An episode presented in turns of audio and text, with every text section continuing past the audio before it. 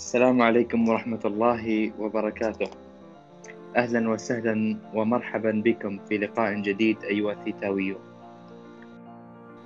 قالوا عنها بأنها لغة العلوم، وقالوا عنها بأنها أساس من أسس العلم، وبعضهم وصفها بأنها أم العلوم وخادمتها. وقلنا عنها في المدارس متى سنرتاح منها. إن لم تعرف عن, من عن ماذا أتحدث فإني أتحدث عن الرياضيات. الرياضيات مهمة جدا في حياتنا. نحن نستعملها كل يوم تقريبا في البيع والشراء في المعاملات في حساب الوقت. يستخدمها العلماء والمخترعون بكثرة في عملهم فهم يفهمون الطبيعة كأرقام ومعادلات. في مجالي أنا في الطب نحلل ونفهم وظائف الجسم باستخدام أرقام ومعادلات. وللرياضيات في اسمنا مجموعة ثيتا نصيب. فثيتا هو حرف يوناني يشير إلى الزاوية والزاوية مجال من مجال الرياضيات. ضيفنا اليوم هو الدكتور خالد العنزي عضو هيئة التدريس في قسم الرياضيات في الملك فهد للبترول. وهو يعني آه، سمعته سبقته. ما شاء الله. أهلا بك ومرحبا دكتور خالد. حياك الله يا دكتور عبد الله وشكرا لك على هذا التقديم وشكرا لجميع الحضور. أهلين دكتور. آه إيه. قبل ما نبدأ يعني نبدأ نستهل الحوار معك آه يعني حبذا لو تعطينا نبذة عن تاريخ الرياضيات وكيف آه، بدأ علم الرياضيات كعلم مستقل بحد ذاته. طيب بسم الله الرحمن الرحيم. الحمد لله والصلاة والسلام على نبينا محمد وعلى آله وصحبه أجمعين. أكرر الشكر لك أخي الدكتور عبد الله وأكرر الشكر لجميع الحضور وأتمنى أنه أقدم يعني أقدم لهم مادة مفيدة خفيفة والشكر كذلك لمجموعة ثيتا العلمية على هذه الاستضافة. بداية الرياضيات لابد نعرف أنه علم تطور ونبع ليس من أجل الترف أو الترفيه آه، أو حتى قضاء الأوقات لا إنما آه، يعني تطور هذا العلم ونبع من احتياج الناس له في حياتهم اليومية. آه، هل الخراف كاملة أو غير كاملة؟ جمع عدد الخراف، طرحها مرورا حتى ظهار الرياضيات والفلسفة والمنطق وحتى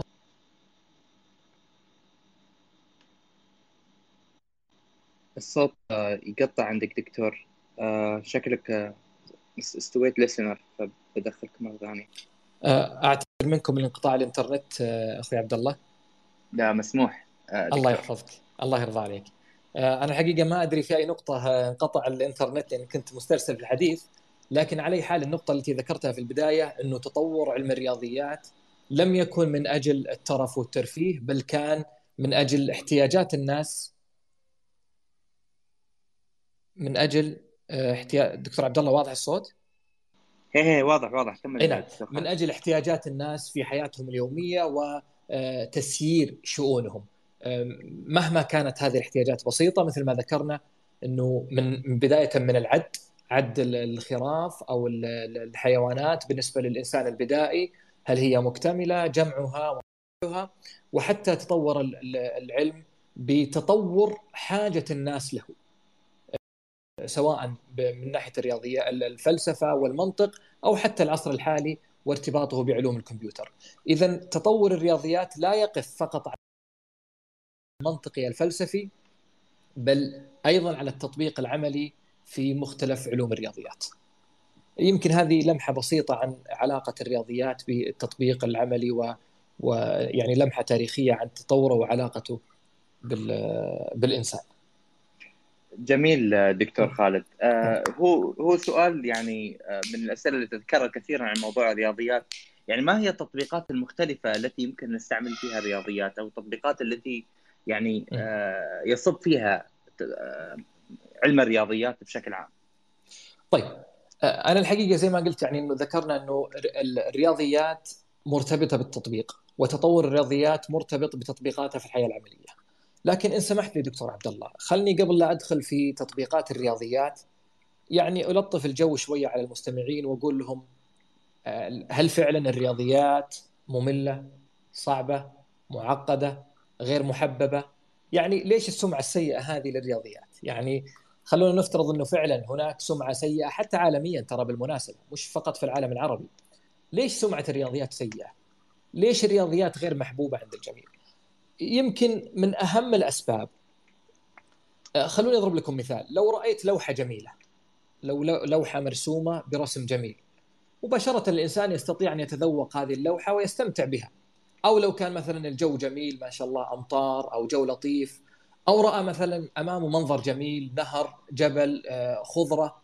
يعني مباشرة الإنسان يستطيع أن يتذوق جمال هذا المنظر الذي أمامه يعني من غير تعقيد ولا لا؟ كذلك لو كان عندك قطعة حلوى وأكلت هذه القطعة فإنك سوف تستمتع بطعمها الجميل من غير تعب، ما في تعب في الاستمتاع بطعم قطعة الحلوى. كل ذلك يتم بدون جهد بدني ولا عقلي. أما الرياضيات خصوصا والعلوم الطبيعية بشكل عام فإنه لا يمكن للإنسان أن يكتشف متعتها وأن يغوص في أعماقها إلا إذا فهم الرياضيات. وطبيعة علم الرياضيات أنه علم يحتاج إلى شحذ الذهن ويحتاج إلى إعمال الفهم كد العقل حتى تفهم آه، موضوعاته. آه هذا من جانب، الجانب الآخر آه أنه الرياضيات التعامل معها جاف نوعا ما، بمعنى هو تعامل مع أرقام، مع معادلات، مع نظريات، ما في تجارب محسوسة في الرياضيات. التجارب المحسوسة تجدها في الفيزياء تجدها في الكيمياء تجدها في الأحياء لكن لا يمكن في الرياضيات أن يكون عندك تجارب محسوسة وإنما يتم التعامل عن طريق معادلات وأرقام. فلذلك جزء منها آه، يعني شوي صار جاف. لكن آه بعد هذا... بس بعد يعني نقدر نجرب فيها مثلا لما يعني اسمح لي على المقاطعة دكتور. نعم لكن يعني مثلا لكن يعني مثلا لما كنا نحن نشرح للأطفال إن مثلا واحد زائد واحد يساوي اثنين يعني شو كنا نسوي؟ كنا ناخذ قلمين نقول قلم الأول زائد قلم الثاني يساوي قلمين فأنا أقصد إن نوعا ما ممكن تجربها أو ممكن تمنطقها من طريق من من, من طريقه يعني حياتك العملية فهمت علي؟ يعني مش إن... أحسنت أنا صح أتفق معك دكتور عبد الله وهذا شيء جميل لكنه يمكن اللي قصدته أنا اللي هو التطبيقات العملية للرياضيات. يعني أنا أضرب لك مثال. الآن كلنا نسير في الشوارع ونشوف أعمدة الكهرباء ولا لا؟ أو اعمده أو اعمده الهاتف هذه اللي فيها ال cables هذه اللي يسمونها ال hanging cables ال cables المعلقة. يعني الجميع يعني يشوفها لكن ما يعرف إنه في رياضيات من خلفها. فلذلك ما ما أقدر يعني أشرح للشخص بطريقة عملية إنه في رياضيات behind يعني خلف تعليق هذه الجسور ها؟ يعني حتى حتى اللي ركبها هذا المهندس اللي خططها أو حتى العامل اللي ركبها ما يعرف أي أي علاقة بينها وبين الرياضيات. هو مجرد يعني عنده أرقام وعنده مسافات يعلق هذا الكيبل بينها و, و... و... يعني هذه مهمته. لكن لا يعرف ما الذي خلفها من الرياضيات.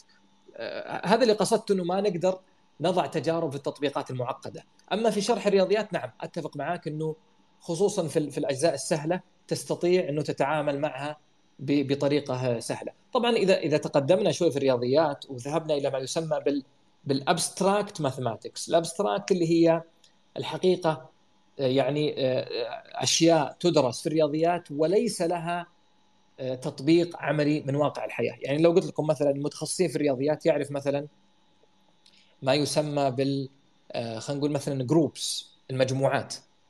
المجموعات ليس بتعريفها التعريف يعني اليومي وإنما بتعريفها الرياضي. تعريف المجموعات أو الزمر ما يسمى بالزمر في الرياضيات هذه الزمر لا يكاد تكون تلقى لها تطبيق واقعي أو تجربة آه، واقعية تستطيع من خلالها شرح الزمر أو المجموعات الرياضية أو غيرها. يمكن هذا اللي قصدته في ال في ال وضحت الصورة دكتور كمل.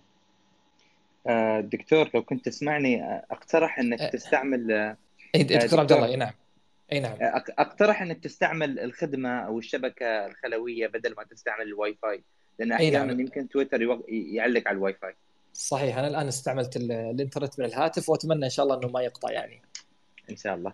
طيب فكنا, خل... فكنا نتكلم عن تطبيقات الرياضيات وإن الرياضيات ما كان لها تطبيق عملي مثل الفيزياء وغيرها أي نعم فالآن لما لما نذكر بعض التطبيقات يعني تطبيقات الرياضيات في حياتنا ربما البعض يتساءل طيب هذا تطبيق لكن كيف أعرف أن الرياضيات خلفه؟ معرفة أن الرياضيات خلف هذا التطبيق لا يأتي إلا للمتخصصين، خلينا نضرب لكم مثال. وزي ما ذكرنا انه تطبيقات الرياضيات نابعة من احتياجات الناس.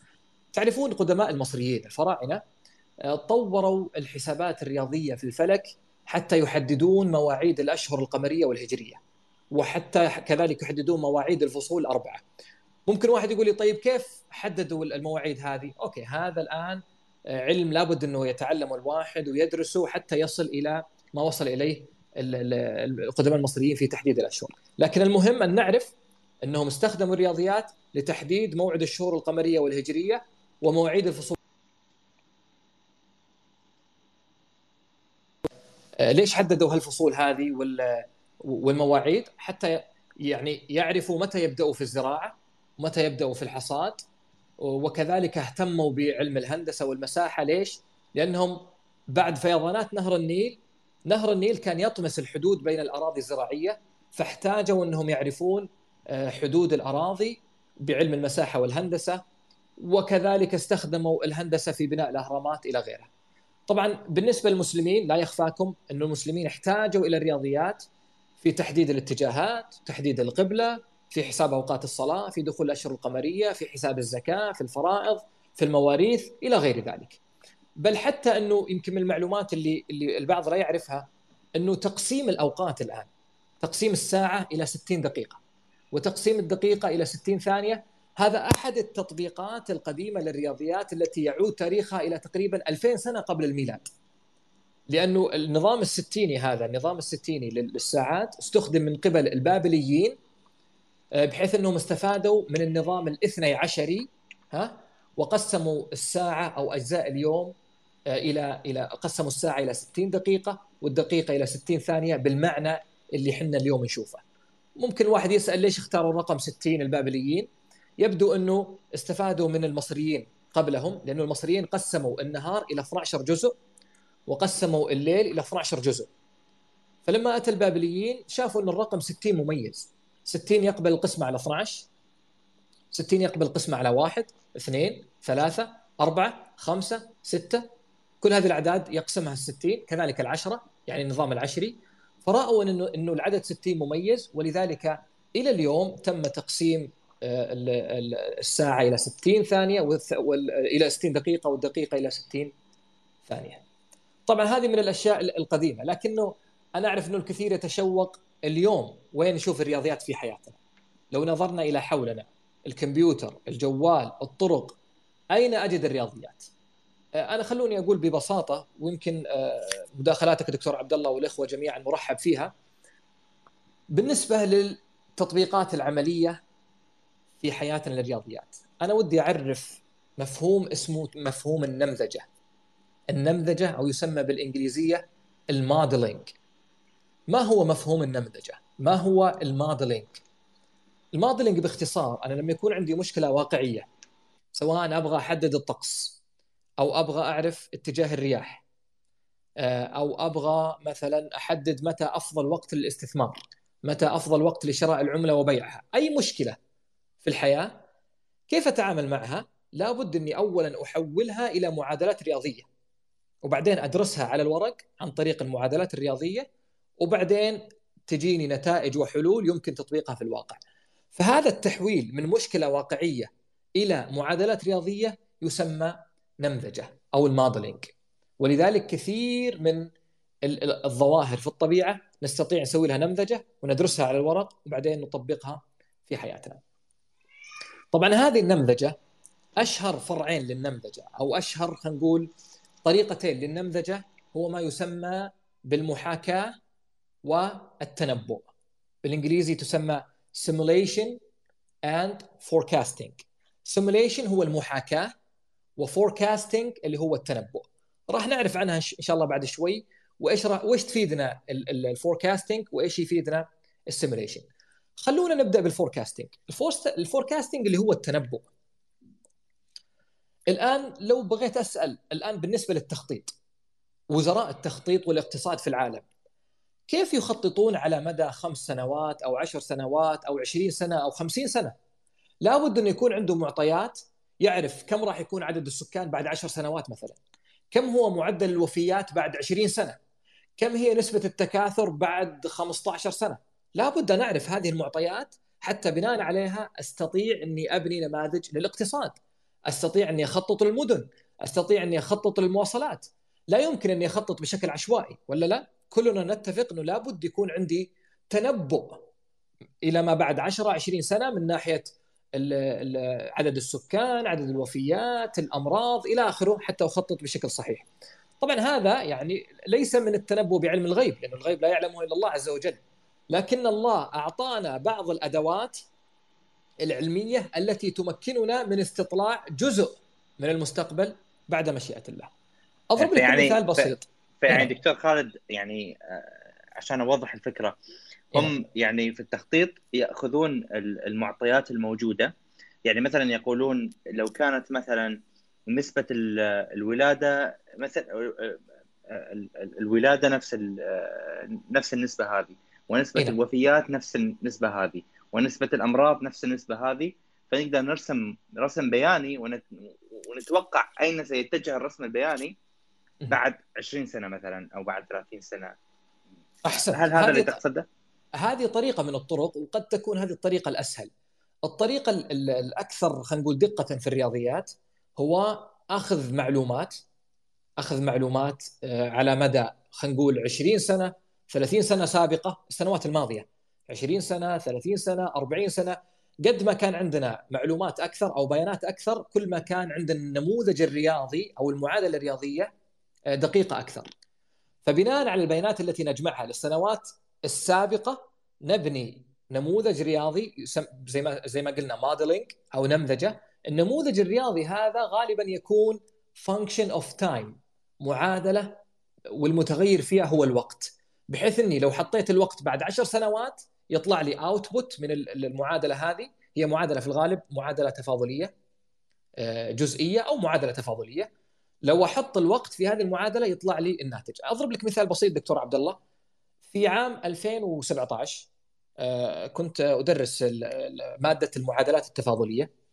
فزي البروجكت الصغير أو المشروع الصغير كنا على وشك في المملكة العربية السعودية كنا على وشك إنه هيئة الإحصاء تعلن عدد المواطنين في عام 2018 فزي يعني المشروع البسيط قلت لهم يلا خلونا نتوقع كم عدد السكان في المملكة العربية السعودية عام 2018 باستخدام زي ما قلنا البيانات السابقة وباستخدام نموذج بسيط جدا من المعادلات التفاضلية. فباستخدام هذا النموذج توقعنا إنه يكون تعداد المملكة 33 مليون و507258 نسمة. هذا توقعنا. التوقع الرسمي بعدنا بشهرين أو ثلاثة أو عفوا مش التوقع الرسمي الأرقام الرسمية بعدنا بشهرين وثلاثه كانت أيضا 33 مليون 413660 نسمة. يعني الفرق أقل من 0.3 أقل من 0.3 اذا توقعنا وحنا إحنا عندنا مشروع فقط بسيط. فما بالك لو أخذنا بيانات كبيرة جدا وضعناها في الكمبيوتر لاستطعنا انه نحسب عدد السكان في كل سنة بدقة كبيرة جدا. هذه أحد التطبيقات اللي ممكن نستخدمها بالنسبة للفوركاستنج. لو سمحت لي دكتور عبد الله أيضا نتكلم شوية عن الطقس. إيش علاقة الرياضيات بالطقس؟ طبعا معرفة الطقس الأيام هذه أيضا لم تعد شيء من الترف. لا يعني الإنسان ما يحتاج إنه يعرف الطقس آه، حتى يتسلى مثلا وحتى يشاهد نشرة الأخبار، لا الطقس يعتمد على معرفته إنك تعرف إيش اللي تلبس بكرة، هل تلبس ملابس ثقيلة؟ تلبس ملابس خفيفة؟ أيضا هل تأخذ معك مظلة؟ في أمطار ما في أمطار؟ آه، بل أكثر من ذلك الطقس أصبح مسؤول عن حركة الطيران، ربما بعض رحلات الطيران تلغى أو حتى الرحلات البحرية تلغى بسبب الأجواء يمكن عندنا في منطقة الخليج ما نحتاج معلومات الطقس بشكل كبير لكن اللي جرب يعيش في أوروبا وأمريكا تجده بشكل يومي يطلع على تنبؤات الطقس حتى يعني يلبس يستعد من ناحية اللبس ويستعد من ناحية المظلة ليقي نفسه من المطر. حتى أحيانا يعني نحن في السفر لما تبغى تسافر إلى مدينة معينة قبل لا تسافر تفتح برامج الطقس وتشوف ما هو الوقت الأفضل إنك تسافر إلى هذه المدينة. التنبؤات بالطقس أو اللي يسمونه ويذر فوركاستنج يتطلب مجموعة ضخمة من بيانات الطقس في الأيام الماضية حتى يكون عندنا أيضا نموذج دقيق للتنبؤ بدرجة الحرارة، بالرطوبة، بسرعة الرياح، بكمية المطر، بالضغط الجوي، تشكلات السحب إلى غيرها من التنبؤات الطقس. يمكن اللي يذكر في عام 2011 آه، لما جاءت موجات تسونامي في اليابان آه، موجات التسونامي ضربت سواحل اليابان في عام 2011 نفس الموجة هذه موجة التسونامي وصلت إلى شواطئ كاليفورنيا في أمريكا في الف... في مارس 2011 خلونا نتصور شوي. اليابان سواحل اليابان ضربتها موجات تسونامي وصلت هذه الموجات إلى كاليفورنيا. كاليفورنيا اللي هي في غرب أمريكا. طيب كيف وصلت هذه الموجة؟ يعني عبر إيش وصلت هذه الموجة؟ قطعا هي wave ها؟ wave equation هي wave موجة. وصلت عن طريق منحنى لأنه الكرة الأرضية عبارة عن كرة. ولا لا؟ الكرة الأرضية عبارة عن كرة. فلذلك العلماء علماء الرياضيات استطاعوا عن طريق النماذج الرياضية ببساطة إنه يكتب معادلة ال wave المعادلة الموجة اللي يسمونها wave equation ها on sphere على الكرة. وبناء على هذه المعادلة يستطيع التنبؤ بدقة متى تصل موجة تسونامي من اليابان إلى أمريكا. فقدر العلماء الرياضيات انه الموجة سوف تحتاج 12 ساعة حتى تصل من اليابان إلى كاليفورنيا وبالتالي الآن ليس معرفة الطقس ليس ترف ترف وإنما حفاظ على أرواح الناس فتم إجلاء مئات الأشخاص من من السواحل سواحل كاليفورنيا إلى الداخل الأمريكي وبالتالي استطعنا الحفاظ على أرواح الناس عن طريق تطبيق الرياضيات في معرفة الطقس. آه، يمكن هذا باختصار عن الرياضيات والطقس. ما أدري دكتور عبد الله في مداخلة أو أستمر شوية لا لا لا آه، كمل كلامك جميل جدا صراحة يعني. مستمع طيب طيب. اندمجت في, كلامك. الله يحفظك. شكرا لك. طيب آه، يمكن الآن قبل لا أنا ودي أتكلم عن التطبيقات الرياضيات في في الكمبيوتر وفي الجوال وفي التشفير وفي الإنكريبشن. لكن قبله بما إنه عندنا الدكتور عبد الله من المجال الطبي خلوني أتكلم شوي عن الرياضيات والطب. يمكن الدكتور عبد الله ذكر في البداية إنه يتعامل كطبيب مع كثير من الأرقام وكثير من القياسات الحيوية للمريض. وأنا الان ما راح أذكر الجانب الناعم خلوني أقول من الرياضيات يسمحوا لي إخواني الإحصائيين. آه، الجانب الناعم من الرياضيات اللي هو الإحصاء اللي هو التعامل مع البيانات. آه، كثير من الإعلانات الأدوية اللي تشوفونها قبل وبعد. آه، الدواء قبل والدواء بعد. هذه كيف يعرفونها علماء الرياضيات؟ عن طريق بيانات إحصائية لمرضى وبعدين يعرف تأثير الدواء على الجسم. لكنه كثير من أجهزة التشخيص سواء السماعات الطبية وسواء أجهزة التصوير الطبي ال MRI ال CT scan ال X-ray كل هذه الأجهزة أجهزة التصوير تم تطويرها باستخدام يعني أي فحص مقطعي للجسم لابد أنه يتم تطويره عن طريق استخدام الرياضيات والكمبيوتر آه، وبالتالي نحصل على نتائج دقيقة لتصوير أجزاء الجسم. طبعا هذا يتم اللي مهتم يتم عن طريق الهندسة اللوغاريتمية ما يسمى بالهندسة اللوغاريتمية بناء عليها نستطيع بناء آلات لتصوير جسم الإنسان من الداخل. يمكن نفس المبدأ هذا تصوير جسم الإنسان من الداخل. أتطرق له بعد شوي في حساب الزلازل وفي كذلك آه، ارتباطه بالتنقيب عن النفط.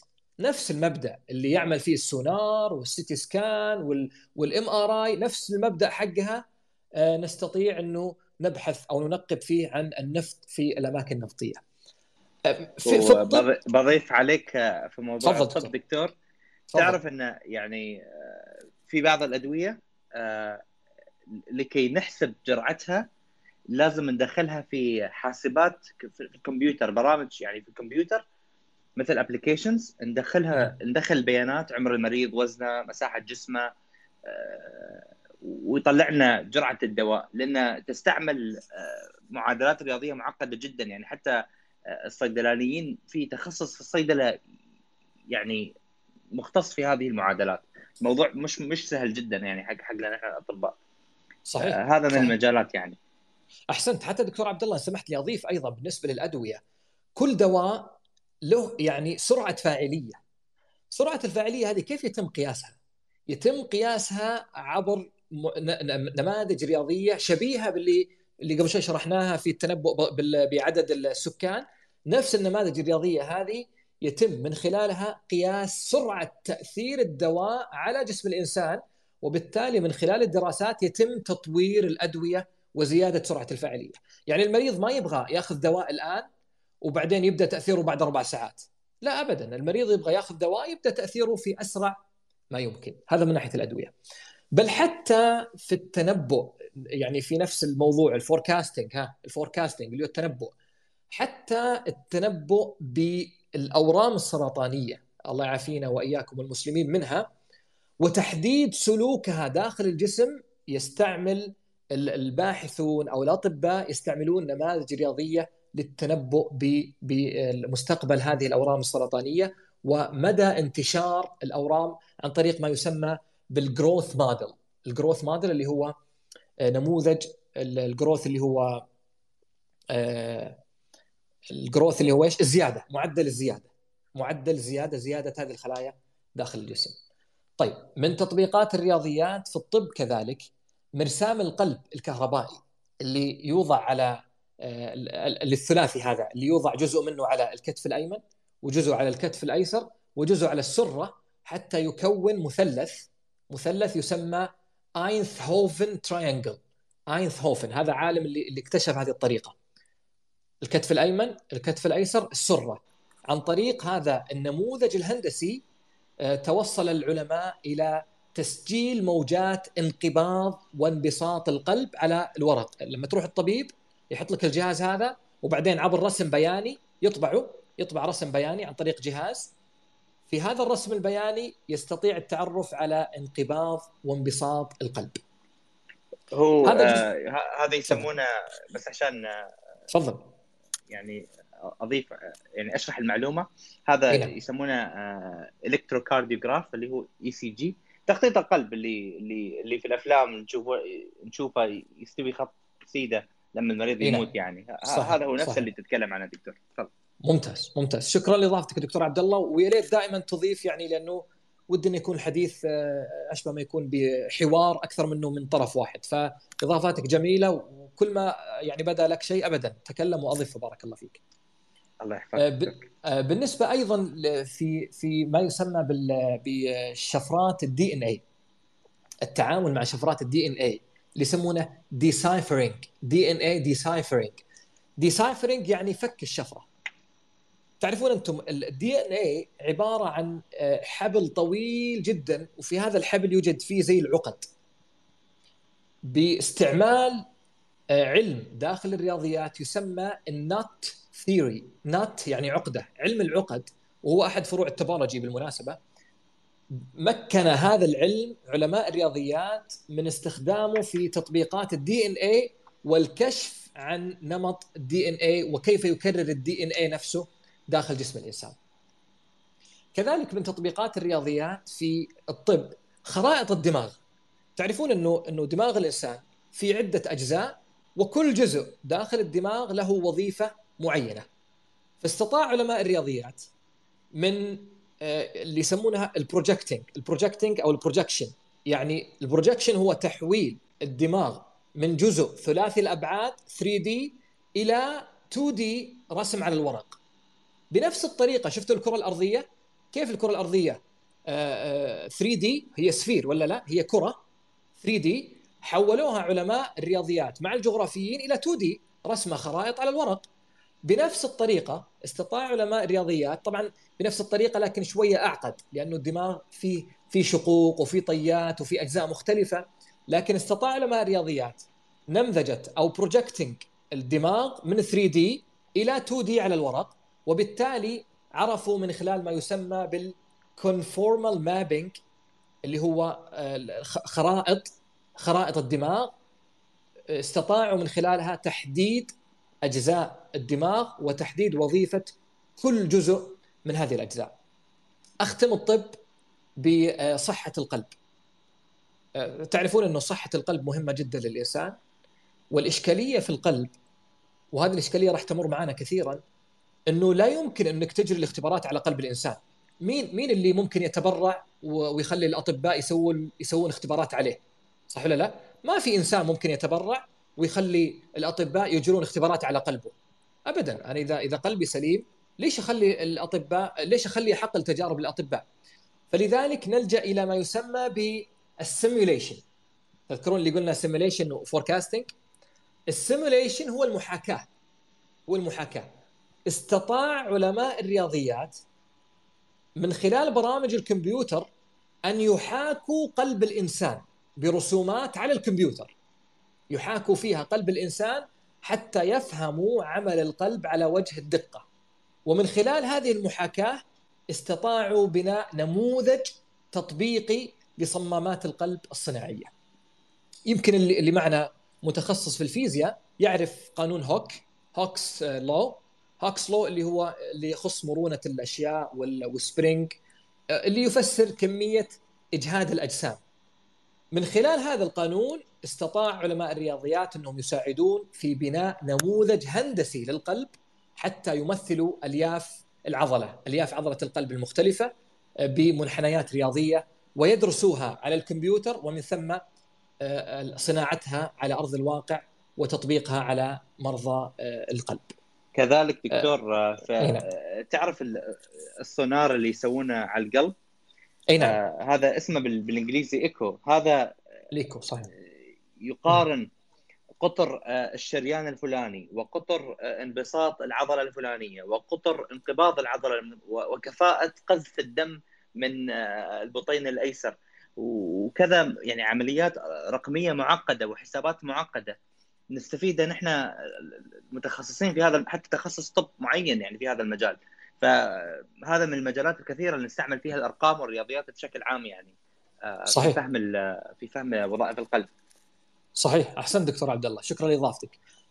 أيضا يمكن أختم المجال الطبي بمعدلات بمعادلات نافير ستوكس اللي درسوا الديناميكا أو الهندسة الميكانيكية أو حتى الفيزياء. قطعا مرت عليهم معادلات نافير ستوكس. نافير ستوكس اللي هي تحكم عملية تدفق السوائل. أي سائل داخل أنبوب يتم يعني التحكم بعملية التدفق عن طريق معادلات نافير ستوكس عن طريق هذه المعادلات استطاع علماء الرياضيات التحكم بعملية تدفق الدم داخل وحول عضلة القلب. يمكن بنفس المفهوم هذا. مفهوم نافير ستوكس ومفهوم ال simulation استفاد علماء الرياضيات من تصميم الطائرات. نرجع ونقول لما أبغى أصمم طائرة بطراز معين جديد هل يمكن أني أجربها عمليا؟ يعني أبني طيارة وأجربها؟ قطعا ما أقدر لأنه اولا تكلفة البناء باهظة ثانيا كيف أجربها؟ ممكن اللي بيجربها ممكن تطيح فيه الطيارة لا سمح الله ويموت. فأنا ما أقدر أجرب الطيارة مباشرة. لازم أسوي لها محاكاة على برامج الكمبيوتر عن طريق نماذج رياضية وبعدين على الكمبيوتر وطي يعني أعمل طيران تجربة طيران للطيارة وبعدين أتأكد إنها صالحة وبعدين أبني النموذج هذا عمليا وأخلي الطيارات تطير في الهواء. مثل مثل الفكرة كذلك السيارات. أنا لما أبغى أطور السيارة الآن العالم معتمد بشكل كبير جدا في التنقل على السيارات. أه لما أبغى أبني design جديد للسيارة مش معقولة أخلي شخص يجربه. لأنه ممكن يجربه الشخص لا سمح الله يكون في خلل من الاصطدام ولا آه، design السيارة ويتأثر هذا الشخص فايضا مرة ثانية أسوي simulation للسيارة هذه باستخدام برامج الكمبيوتر وبعد ما أتأكد من أنها آمنة وأن هذا الديزاين جيد أبدأ بعدين أبني النموذج عمليا وأحوله إلى أرض الواقع. طبعا شركات السيارات وشركات الطيران تنفق آه، خلينا نقول ملايين بل مليارات يعني شركة مثلا مرسيدس عام 2006 أنفقت 19 مليار يورو. لك أن تتخيل كمية هذا الرقم. 19 مليار في سنة واحدة. في عام 2006 أنفقت هذا المبلغ فقط حتى تطور آه، design المرسيدس على أجهزة الكمبيوتر. وتتأكد أنه هذا النظام من خلال أبحاث متعمقة أنه هذا ال design وهذا التصميم جيد. وبعد ما تأكدوا إنه جيد أطلقوا حزمة جديدة من السيارات. يمكن هذه أيضا أحد التطبيقات في في صناعة السيارات والطيارات. آه، في إضافة دكتور عبد الله ولا أستمر شوية؟ لا لا وضحت ال وضحت النقطة طيب. بخصوص طيب السيارات أنا أنا أيضا يعني بالتعريج على السيارات والطيارات أيضا المواصلات بشكل عام يعني خلونا في مثلا مدينة مثل نيويورك. نيويورك مدينة مزدحمة بالسكان. آه، ممكن تتنقل فيها عن طريق المترو ممكن شبكة الباصات ممكن القطارات حتى الباص اللي في النهر. طيب المدينة هذه كيف ممكن تبني نموذج حتى تنسق بين مواعيد المواصلات؟ أو ما يسمى بال mass scheduling scheduling أو الجدولة.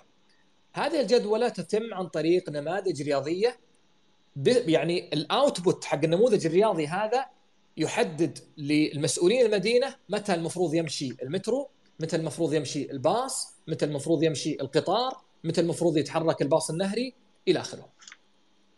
يمكن حتى الموضوع اللي تكلمت عنه أنا قبل فترة من ناحية المواصلات اللي هو كونيغسبرغ bridges 7 bridges اللي هو آه، في مدينة كونيغسبرغ لما كان عندهم سبع جسور وكانت المشكلة كيف إنه أمشي على جميع الجسور هذه آه، يعني مرة واحدة على كل جسر. هذه يمكن آه، حتى مرت علينا كلنا. تذكرون يمكن في المرحلة خلينا نقول المتوسطة أو حتى المرحلة الثانوية لما يجي شخص يقول لك أتحداك ترسم لي الشكل الفلاني من غير ما ترفع القلم عن الورقة. يعطيك شكل معين يقول لك يلا ارسم لي الشكل هذا من غير ما ترفع القلم عن الورقة. هذه الفكرة فكرة إني أرسم شكل معين من غير ما أرفع القلم عن الورقة هي نفسها بالضبط فكرة جسور كونيغسبرغ اللي أمر على كل جسر مرة واحدة. إني أمر على كل جسر مرة واحدة. أو حتى اللي يسمونها في الرياضيات كذلك ال postman problem postman problem أو يسمونها ال Chinese route problem الشاهد من هالتسميات هذه كلها إني أنا حتى أحصل على أقصر طريق لابد إني أستخدم معادلات رياضية. طبعا زي ما يمكن ذكرت في تغريدات سابقة إنه العالم السويسري ليونارد أويلر آه، أثبت نظرية معينة في إنه متى أستطيع إني أحصل على أقصر طريق ومتى أستطيع إني إني يعني خلينا نقول أمر على كل جسر مرة واحدة أو إني أرسم الشكل من غير ما أرفع القلم عن الورقة. وباختصار قال إنه في هذا الجراف أو في هذا الشكل لابد إنه يكون كل رأس يتصل به عدد زوجي من الأضلاع. طبعا هذه وين نستفيد منها عمليا؟ نستفيد منها عمليا في شركات النقل، خلونا نقول مثلا فيدكس أو دي إتش إل. الشركات هذه في المدن الكبرى في في خلينا نقول في, في طوكيو مثلا تجد السيارة عندها آلاف الطرود اللي تحتاج توصلها سائق ال postman هذا ال postman postman problem ال postman هذا عنده آلاف الرسائل أو آلاف الطرود اللي يحتاج يوصلها خلال المدينة. طيب الآن عشان ما يضيع وقته لأنه التوصيل فيه تضييع وقت وفي تضييع جهد وفي كمية بنزين بنزين للسيارة أو وقود السيارة. فأنا أنا أبغى أسوي minimization للأشياء هذه. أبغى أقل فترة ممكن أوصل فيها الطرود. أبغى أقل كمية من الوقود أستخدمها في السيارة. أبغى أقل عدد من الموظفين. فحتى أحسب ال minimum route الطريق الأقصر يتم استخدام الطريق الأقصر عن طريق معادلات رياضية توضع في ال GPS. فالآن السائق يدخل العناوين اللي عنده سائق شاحنة الدي إتش إل مثلا يدخل العناوين اللي عنده كلها الصباح والكمبيوتر هو يحسب له الطريق يحسب له أقصر طريق وبناء على هذا آه، يتم توصيل الطرود أو الرسائل. آه، دكتور عبد الله وضحت نقطة البوست مان هذه كيف انه إيه، وضحت. نعم. وضحت أيه. وهذه بل... وفعلا يعني آه يعني هذه مشكلة حتى تشوف شركات التكاسي وغيرهم. فهذه إنه هو صحيح. يحسب يحسب أفضل وأقصر طريق آه صحيح. يقدر ينفذ فيه المهمة بتعطيه وقت بترول أقل بتخليه ينفذ مهمات أكثر فبتكسب الشركة. بالضبط. بالضبط. أحسنت. يعني إحنا دائما نبحث في الحياة العملية عن ال minimizing كثير من ال factors خلينا نقول I wanna minimize ال time أنا أبغى أقل وقت. I wanna minimize distance أبغى أقل distance أقل آه، آه، أقل distance اللي هي يعني طريق. أقصر طريق ممكن. كذلك I wanna minimize cost أبغى ال cost التكلفة أقل ما يمكن. هذه الأشياء أحطها في معادلة رياضية. الكمبيوتر بعدين يحسب لي الطريق اللي لازم ال postman أو عامل البريد آه، يستخدمه عشان يصل يوصل الرسائل جميعها. طيب أنا يمكن أطلت إحنا اتفقنا نص ساعة لكنه سمحتوا لي فقط خمس دقائق زيادة. آه، زي ما ذكرنا في التصوير تصوير عبر الموجات في الطب سواء السونار، تصوير القلب، ال CT scan، ال MRI بنفس الطريقة الشركات النفطية تنقب على النفط، يعني أنا الآن شركة وأبغى أبحث عن النفط. مش معقولة إني عشوائيا أروح للأرض وأحاول أحفر فيها أحفر أحفر وأشوف في نفط ولا لا.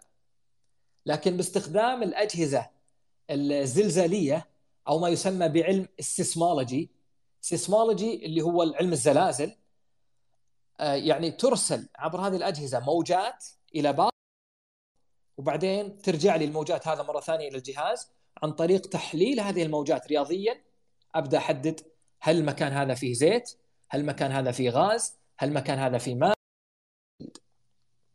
يمكن التطبيقات العملية بختم في آه، والله يمكن ما في وقت للتشفير لكنه يعني ببساطة خلوني اعرج سمحتوا لي على التشفير. الآن التشفير كلنا نحتاجه في حياتنا، يعني لا يمكن لأي شخص اليوم لا يمكن للشخص إنه يعني يتخلى أو لا يستعمل التشفير. كلنا نتسوق عن طريق الأونلاين كلنا ندفع فواتيرنا عن طريق الإنترنت كلنا ندير حساباتنا البنكية عبر تطبيقات البنوك الرقمية هذا هذا الموضوع لا يمكن أن يتم إلا باستخدام طرق التشفير الحديثة اللي معتمدة بشكل أساسي على الرياضيات وعلى علم الجبر وعلى نظريات الأعداد. يعني اللي يقول لي أقدر أستخدم تشفير من غير رياضيات هذا غير ممكن. فالرياضيات لها الفضل في إنه يكون عندي رقم سري في في الجوال يكون عندي رقم سري في اللابتوب يكون عندي رقم سري في بطاقة البنك في الفيزا يكون عندي secure آه، transactions آه، يعني آه، تحويلات آمنة عن طريق الإنترنت تسوق آمن عن طريق الإنترنت. هذه كلها باستخدام نظريات الأعداد في الرياضيات. ببساطة يسمح للمستخدم إنه يأمن الرقم السري حقه باستخدام ما يسمى ال public key encryption. إيش هو ال public key encryption؟ هو رقم كبير رقم كبير جدا جدا. أحيانا في بعض الشركات الحساسة وبعض البنوك هذا الرقم ال public key encryption يصل إلى 22 مليون خانة. 22 مليون digit ها؟ يعني لك أن تتخيل شوف كيف الرقم ضخم. طبعا أنا لما أبغى أسوي برنامج بسيط يعني ما يحتاج أوصل إلى 22 مليون خانة. ممكن مثلا 2000 خانة تكفي. 3000 خانة 10000 خانة تكفي إنه يكون عندي transaction secure أو آمن. لكن في الأماكن الحساسة المعلومات الحساسة مثل وزارة الدفاع الأمريكية مثل بعض البنوك الكبيرة على مستوى العالم يصل ال public key encryption يصل الرقم هذا إلى 22 إلى أكثر حتى من 22 مليون خانة. هذا الرقم ال public key أو يسمى الرقم الشبه أولي هو عبارة عن حاصل ضرب رقمين أوليين. وكلنا نعرف إيش معنى الأرقام الأولية في الرياضيات. الرقم الأولي هو الرقم الذي يقبل قسمه على نفسه وعلى الرقم واحد فقط. ها؟ فالببليك كي هو حاصل ضرب رقمين أوليين. طيب أنا عشان أفك الشفرة لازم أعرف ما هما العددان الأوليان اللي لما ضربتهم أعطاني ال public key encryption ولما يكون عندي رقم من 22 مليون خانة يستحيل على أي هكر. يستحيل يعني خلينا نقول 0.0000000 إلى آخر إلى 1 يستحيل إنه يعرف آه، آه، إيش هي الرقمين الأوليين اللي أعطتني ال public key encryption وليش فيمكن... أرقام أولية دكتور؟ يعني ليش ما يستعمل مثلا رقم أولي مع رقم آخر؟ لأنه الأرقام الأخرى لها عوامل يقدر يحللها بعوامل. التحليل هذا إلى عوامل يساهم لما يجيني رقم لما يجيني رقم شبه أولي أو بابليك كي لما يجيني الرقم هذا أستطيع ببرامج الكمبيوتر إني أحلله إلى عوامل. التحليل إلى عوامل هذا يخلي الهاكر ببساطة يعرف إيش هي الأرقام اللي اللي أعطتني الببليك كي لكن الأعداد الأولية العدد الأولي ما له أي عوامل. العدد الأولي ما يقبل القسمة على أي عدد آخر غير الواحد. فمن هنا صار الوصول إلى ال public key عن طريق أعداد أولية آمن جدا جدا. يمكن أنا لو عندي سبورة آه، في في مكان آخر كان عندنا مثلا يعني لعله في المستقبل إن شاء الله مثلا فيديو أو كذا أعطي مثال عملي على كيف public key encryption وكيف ممكن أسوي اللي يسمونه de-encryption de-encryption اللي ارجع العوامل الأولية أو العددين الأولية. وبالمناسبة زي ما قلت لكم يعني صدقوني أي رقم سري في العالم حولك إنما هو public key encryption وهو حاصل ضرب أعداد أولية. فالفضل يرجع إلى الرياضيات في تشفير الأرقام السرية. وصراحة أنا ما توقعت ما توقعت الأرقام نعم. الأولية كانت مهمة يعني. أيه. توني طبعا. معلومة جديدة صراحة استفدت منها. طبعا بالمناسبة تطوير تطوير النظام هذا دكتور عبد الله والسامعين جميعا هذا مش جديد. يعني يمكن إنه صار له أكثر من 100 سنة. لكن في آخر 25 سنة بدأ التطبيق العملي للاعداد الأولية في التشفير بشكل موسع. يعني هذا تطبيق مش جديد كذلك. مثل ما ذكرنا النظام الستيني ولو أن النظام الستيني قديم جدا جدا لكن نظام التشفير يعني يمكن من أكثر من 120 سنة وهو مستخدم في التشفير. لأنه تعرفون التشفير كيف بدأ؟ عن طريق طرق بدائية جدا جدا جدا. آه، شفرة قيصر الشفرات البدائية وتطور شيئا فشيئا إلى علم الأعداد والأعداد الأولية حتى صار بمفهومه المعقد الآن. يمكن آخر ما أبغى أقوله في تطبيقات الرياضيات تصميم الجسور والمباني. وهذا أيضا من واقع حياتنا العملية. يعني يمكن في مقولة آه، شائعة دائما نسمعها يقول لك in mathematics all mistakes are the same. Nothing is called minor or small mistake. إيش معنى هذا الكلام؟ في الرياضيات الأخطاء كلها لها نفس الوزن. ما في شيء اسمه خطأ بسيط. ما في شيء اسمه خطأ يسير. لا لا لا. الأخطاء في الرياضيات على نفس الدرجة. الخطأ البسيط جدا أو اللي تراه بسيط جدا قد يكون قاتل. أضرب لكم مثال. في عام 1940 اللي اللي قرأ القصة قصة انهيار جسر جسر تاكوما في واشنطن state. آه، بني هذا جسر معلق في واشنطن. آه، وبعد آه، أظن أربع أو خمسة أشهر نسيت الآن. بعد أظن أربع أشهر من من من بناء الجسر انهار الجسر بالكامل وصار في وفيات. وكذلك يمكن في 2007 هذه أنا أتذكرها يمكن بعضكم يتذكرها في 2007 آه، كذلك برج الاي 35 دبليو. هذا برج في مينيابوليس في مينيسوتا في في شمال أمريكا. انهار الجسر بالكامل وأيضا صار في وفيات. الآن العلم طبعا الفيزيائيين قالوا إنه السبب من الفيزياء بعض المهندسين المدنيين قالوا السبب من الهندسة المدنية وكيف إنه في ال safe factor هذا.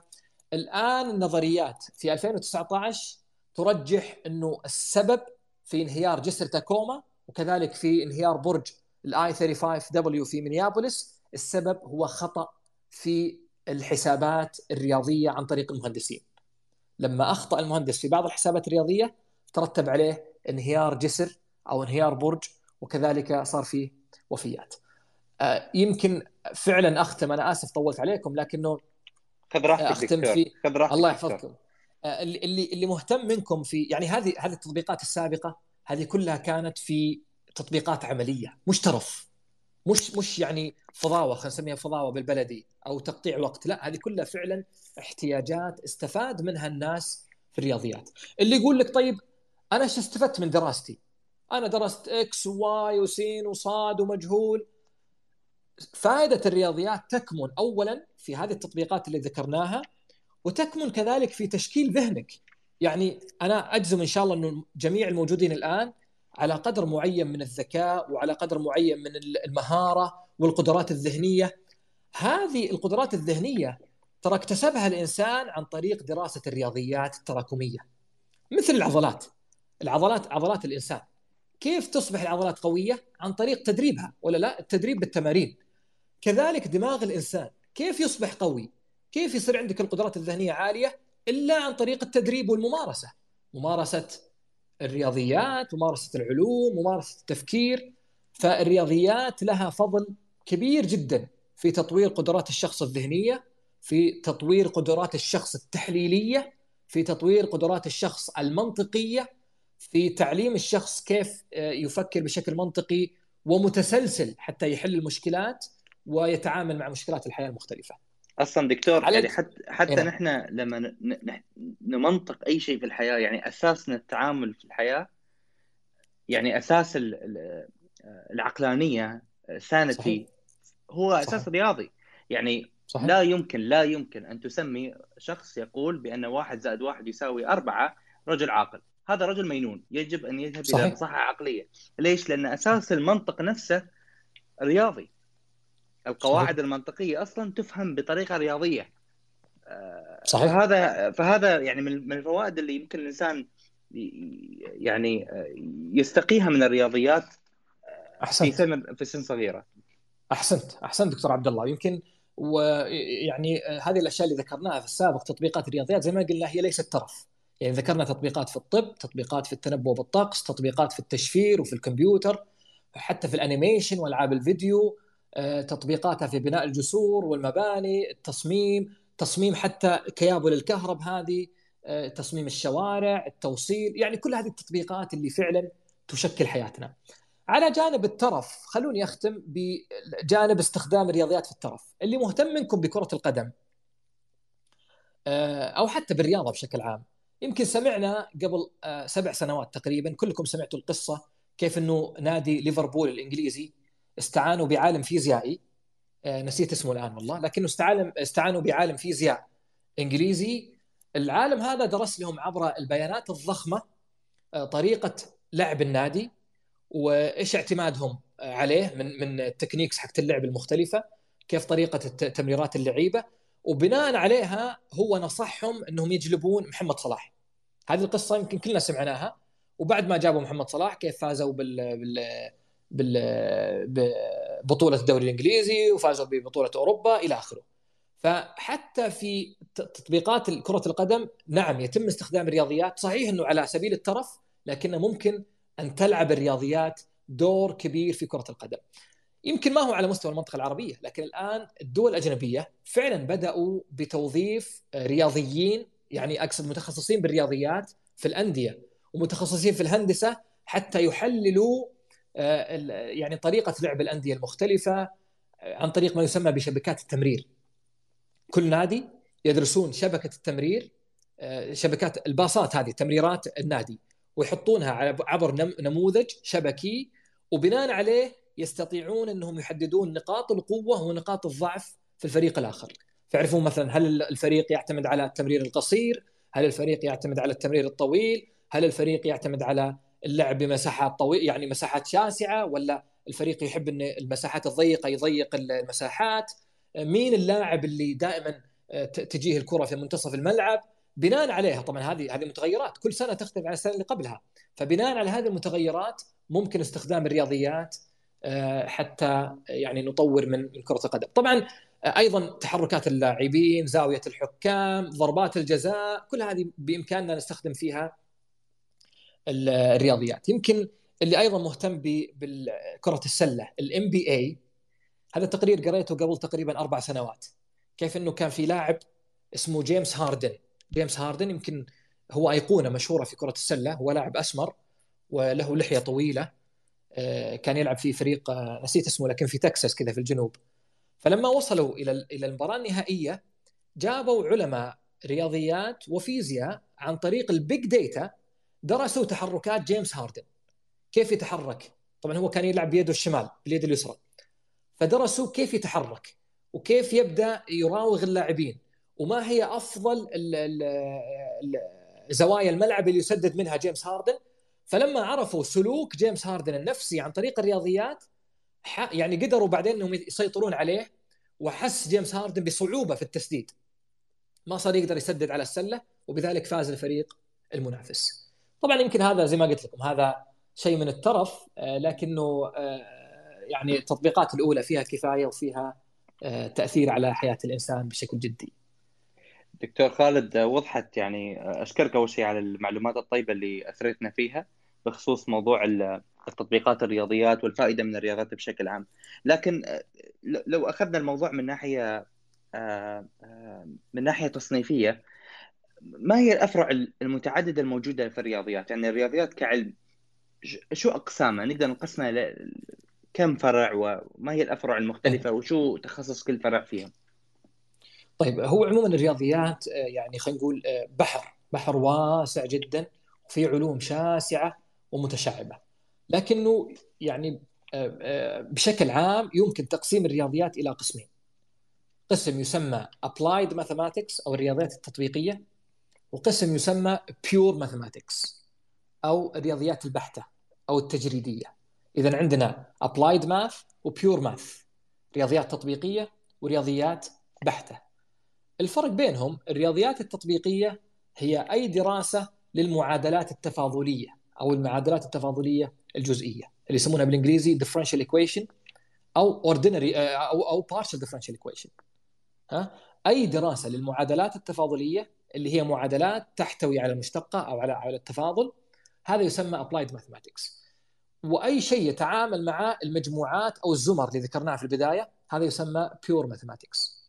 طبعا داخل ال applied mathematics هناك علوم عديدة جدا جدا لا يمكن أن تحصر. يعني ال numerical analysis أو التحليل العددي هذا applied math هناك ما يسمى بال optimization أو ال optimal control اللي هو يعني سامحوني أنا بعض الترجمات العربية ما أعرفها لأنه معظم الدراسة كانت باللغة الإنجليزية لكن ال optimization اللي هو البحث عن ال minimum وال maximum ها؟ البحث عن ال minimum وال maximum optimization أو ال optimal control يعني ال optimal control عموما علم أو أو أو كذلك ال operation research operation mathematics هذه كلها من علوم الرياضيات التطبيقية. العلوم البحتة عندنا ال topology علم ال topology عندنا علم ال graph theory عندنا ال nu ال number theory علم الأعداد عندنا ال group theory ال ring theory هذه كلها تحت تحت الرياضيات التجريدية والبحته من ناحية التطبيقات العملية جميع هذه الفروع لها تطبيقات عملية. يعني حتى الرياضيات البحته التجريدية لها تطبيقات عملية مثل ما ذكرنا التشفير. التشفير مثلا يعتمد على نظرية الأعداد. ونظرية الأعداد تعتمد على الرياضيات التجريدية أو الرياضيات البحتة. طبعا المنطق كذلك أحد أقسام الرياضيات الرياضيات البحتة أو التجريدية آه، عندنا ما يسمى بال differential geometry ال differential geometry هو الهندسة التي يتم فيها دراسة الكرة الأرضية دراسة المسطحات دراسة المسافات دراسة الأبعاد المختلفة 2 D 3 D ال curves إلى آخره. هذا يسمى differential geometry يمكن لو لو عددنا فروع الرياضيات المختلفة راح ناخذ وقت كبير جدا لأنه وكل ما لها تنشأ علوم رياضيات مرتبطة بالعلوم الأخرى. يعني مثلا الآن أحد علوم الرياضيات ال data science.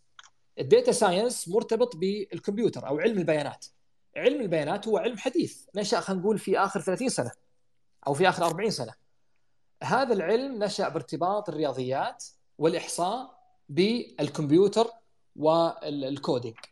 من خلال هذا الارتباط ظهر ما يسمى طبعا الجبر الخطي في الرياضيات ال linear الجبر الجبر الخطي والإحصاء وكذلك الكمبيوتر أو البرمجة نشأ عندنا ما يسمى بدراسة علم البيانات. هذا علم حديث وفيه تطبيقات كثيرة جدا جدا جدا. يمكن نحتاج حتى يعني محاضرات طويلة للتعرف على ما هو علم البيانات إيش فوائده كيف ممكن أستخدمه في دراسة حوادث السيارات كيف ممكن أستخدمه في دراسة سلوك المستهلكين والبائع والمشتري دراسة أوقات التخفيضات إلى آخره. فيزياء تدرس مثلا القوى الأساسية لتكوين الكون. يعني هذا ما بنستفيد منه في موبايل ولا بنستفيد منه في جهاز. ممكن نستفيد م. منه على المستقبل لكن هو فرع من الفيزياء يفهم الكون مثل ما هو. وفي أفرع من الفيزياء تحاول أن تبحث على أجهزة نطبق فيها القوانين التي فهمنا فيها الكون على آه، أشياء تفيدنا في حياتنا آه، فهمت علي أنت أي نعم اقصد صح؟ صحيح صحيح نعم تعال هل في قسم في الرياضيات يعني ناس في الرياضيات يحلون مشكلة في الأرقام ولا مشكلة في معادلات ولا مشكلة في مشكلة نظرية بحتية لا يوجد فيها ابدا أي تطبيق آه، في مثل هذا الشيء في الرياضيات؟ نعم نعم نعم الحقيقة الرياضيات مليئة مليئة الحقيقة. الرياضيات مليئة ببعض المواضيع خلينا نقول يسمونها abstract يعني abstract اللي هي تجريدية بحتة. لا يوجد لها وجود إلا في الذهن بالضبط. الا في ذهن الإنسان. ولا يمكن أن تطبق على أرض الواقع. يعني لو درسنا بعض نظريات ال topology اللي هو يس... طبعا هو ال topology أيضا ما له ما له ترجمة بالعربي هو اسمه التوبولوجيا أو ال topology بعض نظريات ال topology هي نظريات مغرقة جدا في في البحثية أو التجريدية ولا يمكن أن يكون لها تطبيق على أرض الواقع. لكن طبعا آه، هذا جزء من المعرفة وجزء من إثراء البحث العلمي وإثراء المعرفة أنه يتم دراسة هذه النظريات وهذه وهذه المواضيع. فنعم يوجد في الرياضيات آه، معلومات سواء في الرياضيات التطبيقية أو الرياضيات البحتة، يعني حتى الرياضيات التطبيقية يمكن بصورة أقل بصورة أقل. آه، يوجد بعض المعادلات التي لا يمكن الاستفادة منها على أرض الواقع. لكن بشكل عام في الرياضيات التطبيقية معظم المعادلات التي يتم دراستها يتم تطبيقها على أرض الواقع. أشهر شيء زي ما قلنا ال wave equation هذه معادلة تفاضلية جزئية. نعرف فيها طريقة انتقال الموجات سواء موجات الصوتية سواء موجات البحرية كيف تنتقل عبر الشواطئ ترددات الأصوات. أي موجة يتم دراستها عن طريق ال wave equation وكذلك من أشهرها ال heat equation ال heat equation اللي هي معادلة الحرارة كيفية انتقال الحرارة من الأجسام بين الأجسام الباردة والحارة وكيف إنه الحرارة تنتقل من الجسم الحار إلى البارد إلى آخره. فهذا بالنسبة للرياضيات التطبيقيه، الرياضيات البحته زي ما ذكرنا نعم يوجد بعض النظريات المتعلقة بالمنطق تجريدية بحتة وليس لها تطبيق على أرض الواقع. أشكرك دكتور خالد على هذا هذه هذا الإثراء المعرفي اللي يعني استفدناه منك. اللي عنده سؤال بس يضغط على زر المايك عشان أنا دخله و... ويسأل سؤاله. بس تذكروا إن نحتاج يعني نسمع سؤال واحد سؤالين بالكثير. آه والسؤال يكون مختصر عشان نعطي فرصة أكثر للناس يسألون. وكذلك أنا بقرأ بعض الأسئلة من الخاص. الأخ علي؟ إي نعم معك. آه سؤال للدكتور الله يعطيه العافية آه إيش اللي يميز الرياضيات وخلى الرياضيات تكون بهذه الدقة في وصف الكون وفي وصف الكون من أدق الأشياء الذرية إلى آه إلى علم الفضاء وعلم الكونيات إلى الأشياء إلى الملايين السنين الضوئية الأشياء البعيدة عنا مثل الثقوب السوداء وغيرها. إيش اللي يميز الرياضيات وخلى عالم يوجد نظرية ثم في النهاية نجد تطبيقها مشابه جدا للواقع بنتائج تقارب 90% 99% زي ما حصل مع الدكتور ريتشارد فاينمان في نظريته. وبس. طبعا آه، شكرا لك أخي علي على السؤال. الحقيقة آه، سؤال رائع وسؤال في محله لكن الإجابة عليه ليست بسيطة. هل الرياضيات موجودة أصلا والإنسان فقط اكتشفها؟ أم أن الرياضيات هي مخترعة بمعنى أنها لم تكن موجودة واستطاع الإنسان أن يخترع بعض الأشياء ويطبقها على أرض الواقع.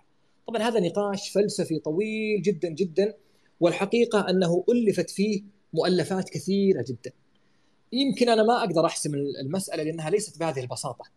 لكن اللي أقدر أقوله بالتأكيد أنه جزء من الرياضيات هو مكتشف. يعني اللي اللي كان عنده فرصة يقرأ في في فيبونشي series أو أو ال sequence حقت كيف فايبونشي العالم الرياضي كيف يعني جاب النموذج حق تكاثر الأرانب وكيف بعدين شافوا إنه نفس النمط هذا موجود في الطبيعة في ورود آه، تباع الشمس وموجود في الطبيعة في بعض الأشجار. هذا قطعا هو مكتشف هو موجود في الطبيعة. فايبونشي ما ما كان له أي علاقة بالأزهار. ما كان له أي علاقة بالأرانب ما كان له أي علاقة بالأشجار هذه أشياء الله عز وجل أوجدها في هذه المخلوقات ثم اكتشفها آه، آه، عن طريق ال golden ratio ها والجزء الآخر قطعا يوجد جزء من الرياضيات اخترعه الإنسان ولا أدل على ذلك من التطبيقات الموجودة في الكمبيوتر.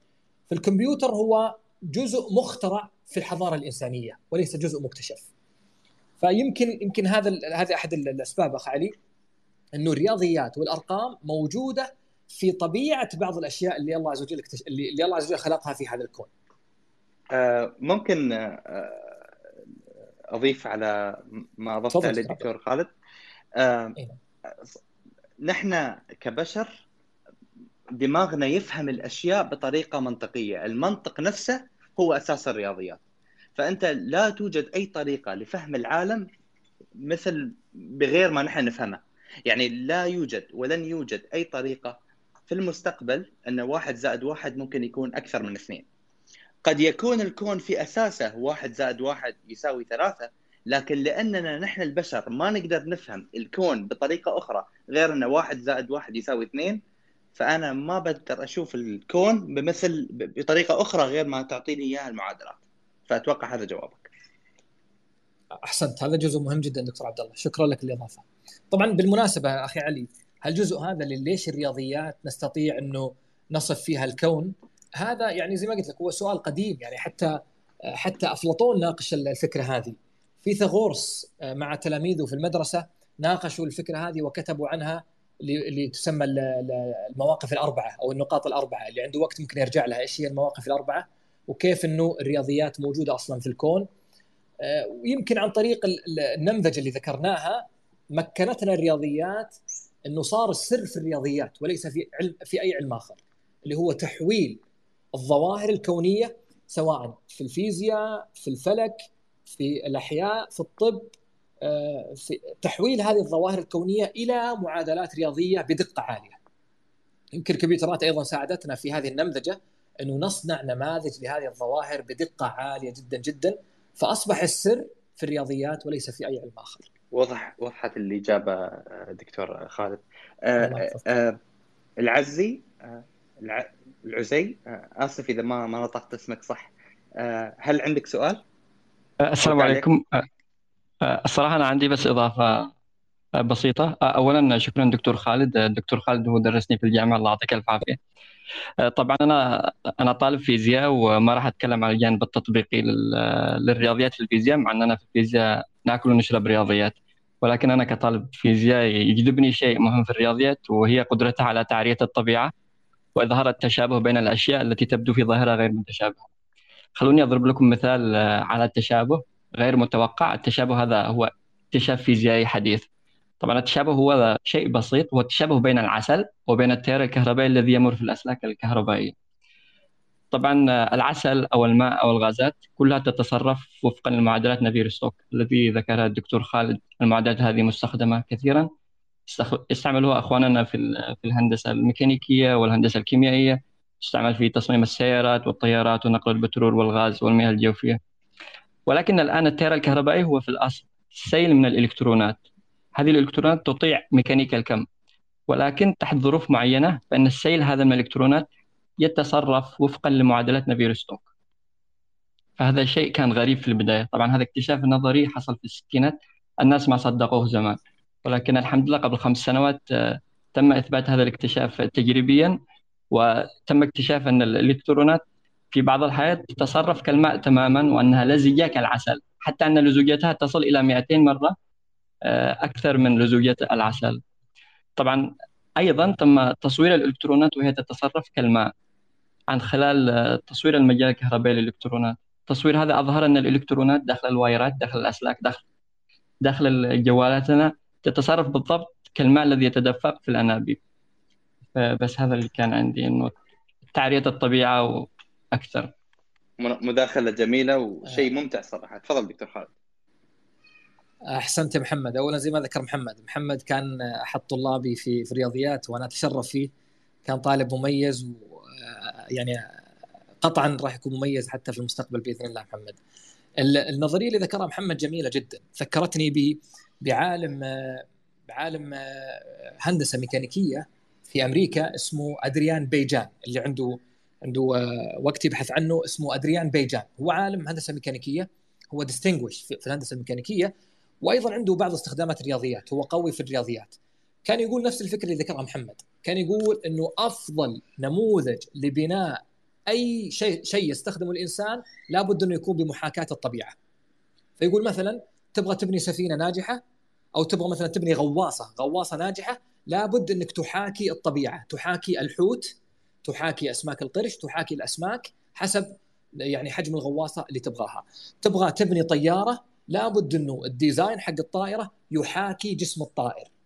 لابد إنه تستفيد من الطبيعة وتجردها حتى تستفيد منها في بناء ما تحتاجه. حتى ذكر الخاصية الأسموزية هذه اللي في الأشجار وكيفية انتقال المياه داخل الأشجار فيقول هذه أفضل طريقة لبناء شبكات المياه في في الأبراج.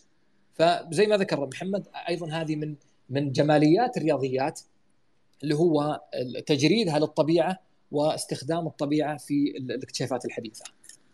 آه، أشكرك آه، دكتور خالد. ممكن آه، الخالدي يتك... الخالدي إن شاء الله يكون ناطق اسمك صح. تفضل وأعطينا سؤال. آي خالدي.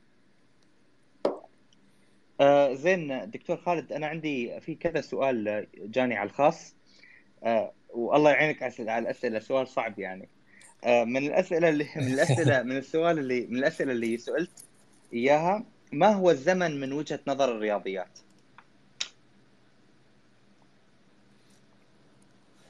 طيب آه الحقيقة السؤال يعني مش آه يعني مش مش دارج خليني أقول ويحتاج إلى إلى إلى تفكير معين لكنه يمكن بنفس فكرته يعني شكرا لمحمد إنه ذكرني بهذه النقطة اللي هو ربط الرياضيات بالطبيعة. يمكن لو لو أردنا انه نربط الزمن كأحد الأبعاد التي يتعامل معها الإنسان بالطبيعة يعني ربط الزمن كأحد مكونات الرياضيات بالطبيعة فإنه يمكن أن يعزى ذلك إلى تحلل ذرات بعض العناصر. بمعنى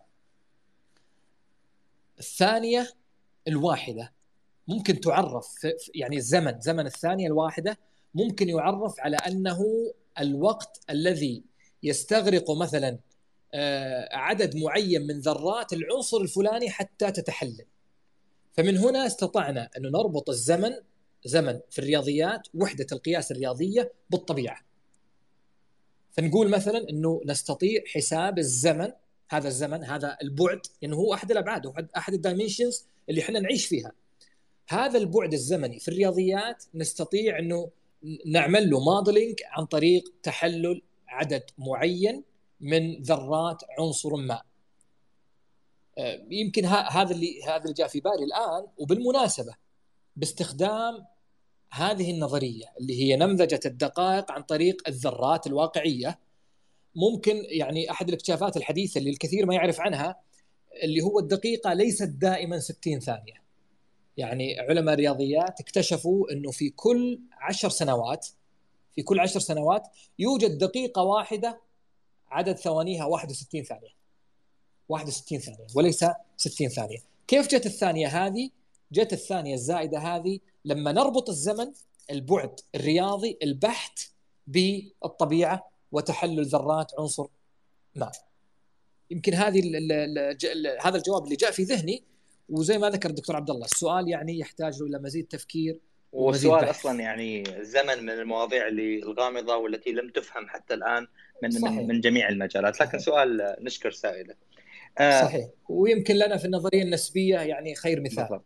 كيف النظرية النسبية عالجت الزمن وكيف إنها نظرية غامضة. يمكن أنا ذكرت حتى في أحد تغريداتي آه، في إيمان. إيمان بليف يعني عند بعض علماء الرياضيات إنه هذه النظرية النسبية ليست مفهومه مفهومة ولا يوجد أحد يفهمها حتى أينشتاين بنفسه وإن كان أيضا في جدل إنه هل هو أينشتاين اللي اكتشفها ولا لا لكنه حتى مكتشفها لا يفهمها أنا ما أقدر أفتي طبعا يمكن آه، بعض الفيزيائيين موجودين هنا أعلم مني بكثير لكنه يبدو إنه تفسير النظرية النسبية للزمن هو تفسير خلينا نقول جدلي ويحتاج إلى فهم اعلى. آه, آه، دكتور خالد آه أنت تكلمت في خلال كلامك اليوم عن تطبيقات الرياضيات.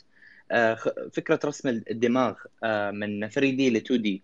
ممكن تعرج، نعم. بعجالة سريعة على كيف يتم هذا العمل؟ يعني هل هم فقط يرسمون ولا ممكن تعطينا تفصيل أكثر عن الموضوع؟ لا. لا هذا هذا اللي قلناه. قلنا في شيء يسمى ال conformal mapping conformal mapping يتم في استخدام هي عملية شوية معقدة لأنه يتم يتم فيها استخدام ال complex integration إيش معنى ال complex integration؟ مش التكامل المعقد، لا ال complex جاي من الأعداد المركبة، ال complex numbers. ففي بعض النظريات اللي اللي تمكن الرياضي من حساب التكامل التكامل integration المعتمد على الأعداد المركبة ال complex integration باستخدام هذه النظريات طور علم يسمى ال conformal mapping ال conformal mapping يعمل projection عن طريق تعطيه 3 D design ويعمل له projection على 2 D ال projection يمكن أفضل تعريب للكلمة projection اللي هو آه مثل تسليط أو, أو عرض. أو زي زي زي يعني التسليط يعني إسقاط إسقاط إسقاط. ال projection هو إسقاط. projection عندك 3 D يتم عن طريق ال conformal mapping إسقاط المناطق اللي موجودة 3 D على 2 D طبعا هذا الإسقاط ممكن الإنسان يسويه. أنا لو جبت لي جسم 3 دي أنا ممكن إذا كنت رسام محترف أسوي له إسقاط على 2 دي لكن هذا الإسقاط لا يمكن إنه يكون دقيق. يعني الدماغ مثلا هو شيء ما تبغى تلعب فيه. هو موضوع مش بسيط ها؟ فالدماغ لما تبغى تسوي له بروجكشن من 3 دي إلى 2 دي لابد إنه يكون بدقة متناهية. الدقة هذه ما تتم إلا عن طريق آه، برامج حاسوبية متقدمة تعتمد على ما يسمى ال conformal mapping اللي هو يستخدم فيه ال complex integration آه، دكتور خالد وصلني سؤال سؤال يقول هل لا نهاية زائد واحد يساوي لا نهاية؟ آه، رياضيا نعم لا نهاية زائد أي أمر آخر سواء عدد أو غير عدد يساوي لا نهاية. طبعا لأنه حتى لا نهاية زائد لا نهاية يساوي لا نهاية كذلك. مش هذه شيء شيء غير غير منطقي أصلا يعني ما أعرف دكتور ما تشوفها آه، هو هو يمكن يمكن علم علم النهاية آه، طبعا في في كتب في الرياضيات كاملة مؤلفة اللي يسمونها العلم المحرم. العلم المحرم كأنه يعني ما حد يبغى يتطرق لهذا العلم، علم النهاية الإنفينيتي. الشخص اللي مهتم يقدر يشوف يعني آه، كتب كثيرة جدا تتكلم عن ال infinity. وكيف نفهم ال infinity؟ ما هي ماهية ال infinity؟ يعني كيف أفهم اللانهاية في حياة الشخص؟ هل الزمن لا نهاية؟ آه، هل المكان لا نهاية؟ هل الكون لا نهاية؟ كيف أفهم اللانهاية؟ كيف أفسرها؟ فتفسيرات اللانهاية طويلة جدا. طبعا بعضها فلسفي وبعضها واقعي. لكنه زي ما قلت في كتب كثيرة جدا تتكلم عن اللانهاية. آه، يمكن اللي اللي تابع البرنامج المشهور ما أبغى أسوي له دعاية لكن البرنامج المشهور حق الدحيح المصري هذا اللي مهتم بعلوم الكيمياء والفيزياء كان عنده مرة برنامج عن اللانهاية. أنا أقول جميل جدا يعني هو تعب شوية على المحتوى ولخص جزء من اللانهاية وكيف نفهم اللانهاية. آه، لكن فعلا اللانهاية محيرة ومقلقة شوي في فهمها لكن جوابا عن السؤال الحرفي نعم لا نهاية زائد لا نهاية يساوي لا نهاية. لا نهاية زائد واحد يساوي لا نهاية. يمكن الإشكالية في نهاية ناقص لا نهاية. لا هذه موضوع مختلف. لا تساوي لا نهاية لها تفصيلات مختلفة ولها تعامل آخر عن طريق معادلات رياضية. يمكن ذكرتني بالمسألة المشهورة مسألة الفندق اللي طرحها أحد علماء الألمان. وكيف إنه بناء على المسألة هذه استطاع إنه يعني يكتشف بعض التطبيقات العملية آه، كيف إنه يكون عندي فندق لا نهائي عنده عنده عدد غرف لا نهائي ها؟ فندق عنده عدد لا منتهي من الغرف ويجيني عدد لا منتهي من الزوار ولازم أسكنهم في هذه الغرفة. وبعدين طرح يعني آه، سؤال فلسفي إذا كانت كل الغرف هذه مشغولة لنفترض إنه جميع هذه الغرف اللا منتهيه مشغولة بعدد لا منتهي من البشر فلو جاني زائر جديد كيف ممكن أسكنه؟ وين ممكن أحطه؟ ما يعني لا يمكن أن أقول إنه ما عندي غرفة فاضية لأنه عندي عدد لا منتهي من الغرف وأيضا لا يمكن أن أقول اذهب إلى الغرفة رقم لا نهاية لأنه لا نهاية ليست هو عدد. مبدأ هو concept لا ن... إي نعم أي نعم ليست هي هي مبدأ أو concept أو تمثيل رياضي لكمية معينة لكن ليست عدد حقيقي. فلا يمكن اني أقول آه، اذهب إلى الغرفة رقم infinity أو أو الغرفة رقم لا نهاية. فيعني هو عنده كان حل بسيط وكذا لكن الشاهد أنه آه، أتفق أنه اللا نهاية هذه الكمية شوية معقدة وتحتاج إلى تحليل آه، مفصل. آه هذا آه دكتور يعني بخصوص علم اللانهاية يقولون إن بعض اللانهائيات أكبر من بعض اللانهائيات. فمثلا عدد الأرقام بين الصفر والواحد لا نهاية لكن عدد الأرقام بين الصفر والاثنين لا نهاية وعدد الأرقام بين الصفر والاثنين من من الصفر لاثنين أكبر من صفر لواحد. فاللا نهايه أكبر من لا نهايه صحيح. صحيح. وهذا يمكن نفس الشيء لو قلنا بنفس المفهوم أو بنفس المنطق مثلا الخليج العربي والمحيط الهندي. الخليج العربي كم عدد قطرات الخليج العربي؟ عددها لا منتهي. لا يمكن أنك تعد عدد قطرات الخليج العربي. وكم عدد قطرات المحيط الهندي؟ أيضا لا نهاية. لكن لا يمكن انه اللا الأولى هي نفسها اللا نهاية الثانية. طبعا في في اللانهايه هو مفهوم غريب شوية. يعني آه خلينا نقول يعني الأعداد الطبيعية اللي هو صفر واحد اثنين ثلاثة أربعة خمسة والأعداد الصحيحة. كلها لا نهاية لكنه ممكن نثبت أنه لهم نفس العدد مع أنه يخيل الإنسان أنه الأعداد الصحيحة أكثر من الأعداد الطبيعية. يمكن هذا موضوع فلسفي منفصل لكن نعم نقدر نقارن بين كميات اللانهايات آه دكتور خالد بس ناخذ آخر سؤالين وننتهي. آه السؤال دكتور عبد الله تفضل. آه إذا تسمح لي آه يعني بصراحة ما أجمل أن نكون بمثل هذه المحاضرة المليئة بالمعرفة والعلم وكل شخص هنا يدلو بدلوه ومعلوماته أو تساؤلاته الجميلة فالدكتور خالد مشكورا على رأس اللقاء وكل المعلومات المميزة اللي قدمها لنا وكذلك أصدقاء ثيت الباقين. آه يعني أنا بصراحة لدي سؤال إن سمحتم لي دكتور عبد الله دكتور خالد. مسموح تفضل تفضل طيب آه السؤال إنه هل من الممكن إنه الرياضيات آه بشكلها الحالي خطأ؟ يعني هل من الممكن أن يأتي شخص برياضيات جديدة تماما كما جاء نيوتن مثلا بعلم الكالكولس وبمسلمات وقوانين جديدة أم لأننا كبشر وبهذا العقل والوعي وطريقة التفكير المبنية على المنطق الأرسطي لن نخرج إلا بالشكل الحالي التي هي عليه الرياضيات الآن؟ طيب أيضا الحقيقة هذا سؤال مهم جدا وهو سؤال فلسفي رائع مثل ما بدأنا اللقاء أو بدأنا بعض الأسئلة في إنه هل الرياضيات مخترعة أم مكتشفة؟ يمكن أيضا هناك علاقة بين إجابة هذا السؤال وبين إجابة هل الرياضيات مخترعة أم مكتشفة؟ لكن قطعا قطعا آه، نستطيع الجزم بأن عدد من النظريات التجريدية الرياضية هي حقيقة لا تقبل الطعن. وهذا عن طريق تجريبها على أرض الواقع. لأنه ذهن الإنسان ذهن الإنسان لا يستطيع أن ينقض كثير من النظريات الرياضية المثبتة. بمعنى لما تكون عندي نظرية تعرفون الفرق بين النظرية والفرضية. النظرية هي الادعاء اللي يكون له إثبات منطقي. المنطق لا يمكن أن يختلف. المنطق لا يمكن أن يختلف. هذا فرق المنطق عن بقية العلوم الأخرى. بقية العلوم المحسوسة أو بقية العلوم الملموسة اللي فيها تجارب ممكن تختلف الكمية من عالم إلى عالم من شخص جرب إلى شخص آخر جرب لكن العلوم المنطقية لا يمكن انه المنطق يختلف من شخص إلى شخص أو من عالم إلى عالم أو من علم إلى علم. فالنظريات الرياضية التي تم إثباتها بالمنطق لا يمكن أن تنقض لا يمكن أن يأتي علم جديد وينقض هذه النظريات. يمكن الفرضيات المختلفة الفرضيات اللي هي الادعاءات العلمية سواء في الرياضيات أو غيرها والتي إلى الآن فيها إيمان عام بصحتها لكن لا يمكن إثبات صحتها من عدمها بطريقة منطقية.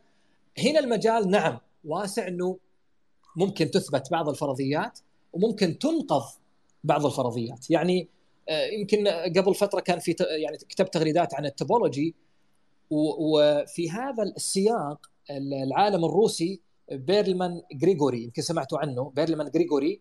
هذا أثبت فرضية لها أكثر من تقريبا 100 عام. آه، فرضية أنشأها العالم الفرنسي بوانكاريه آه، متعلقة بال algebraic topology كان عنده نظرية معينة أو فرضية آسف فرضية معينة كانت في ذاك الوقت تحتمل الصحه أو تحتمل الخطأ. مع أنه جربها إلى عدد كثير جدا من الأشكال وكانت صحيحة لكن منطقيا هذا لا يكفي لإثبات النظرية. حتى أتى بيرلمان العالم الروسي هذا في 2006 أو 2007 نسيت الآن وأثبت النظرية هذه أو الفرضية وتم التحقق فعليا من أنها نظرية تم إثباتها بمنطق رياضي لا يقبل النقض.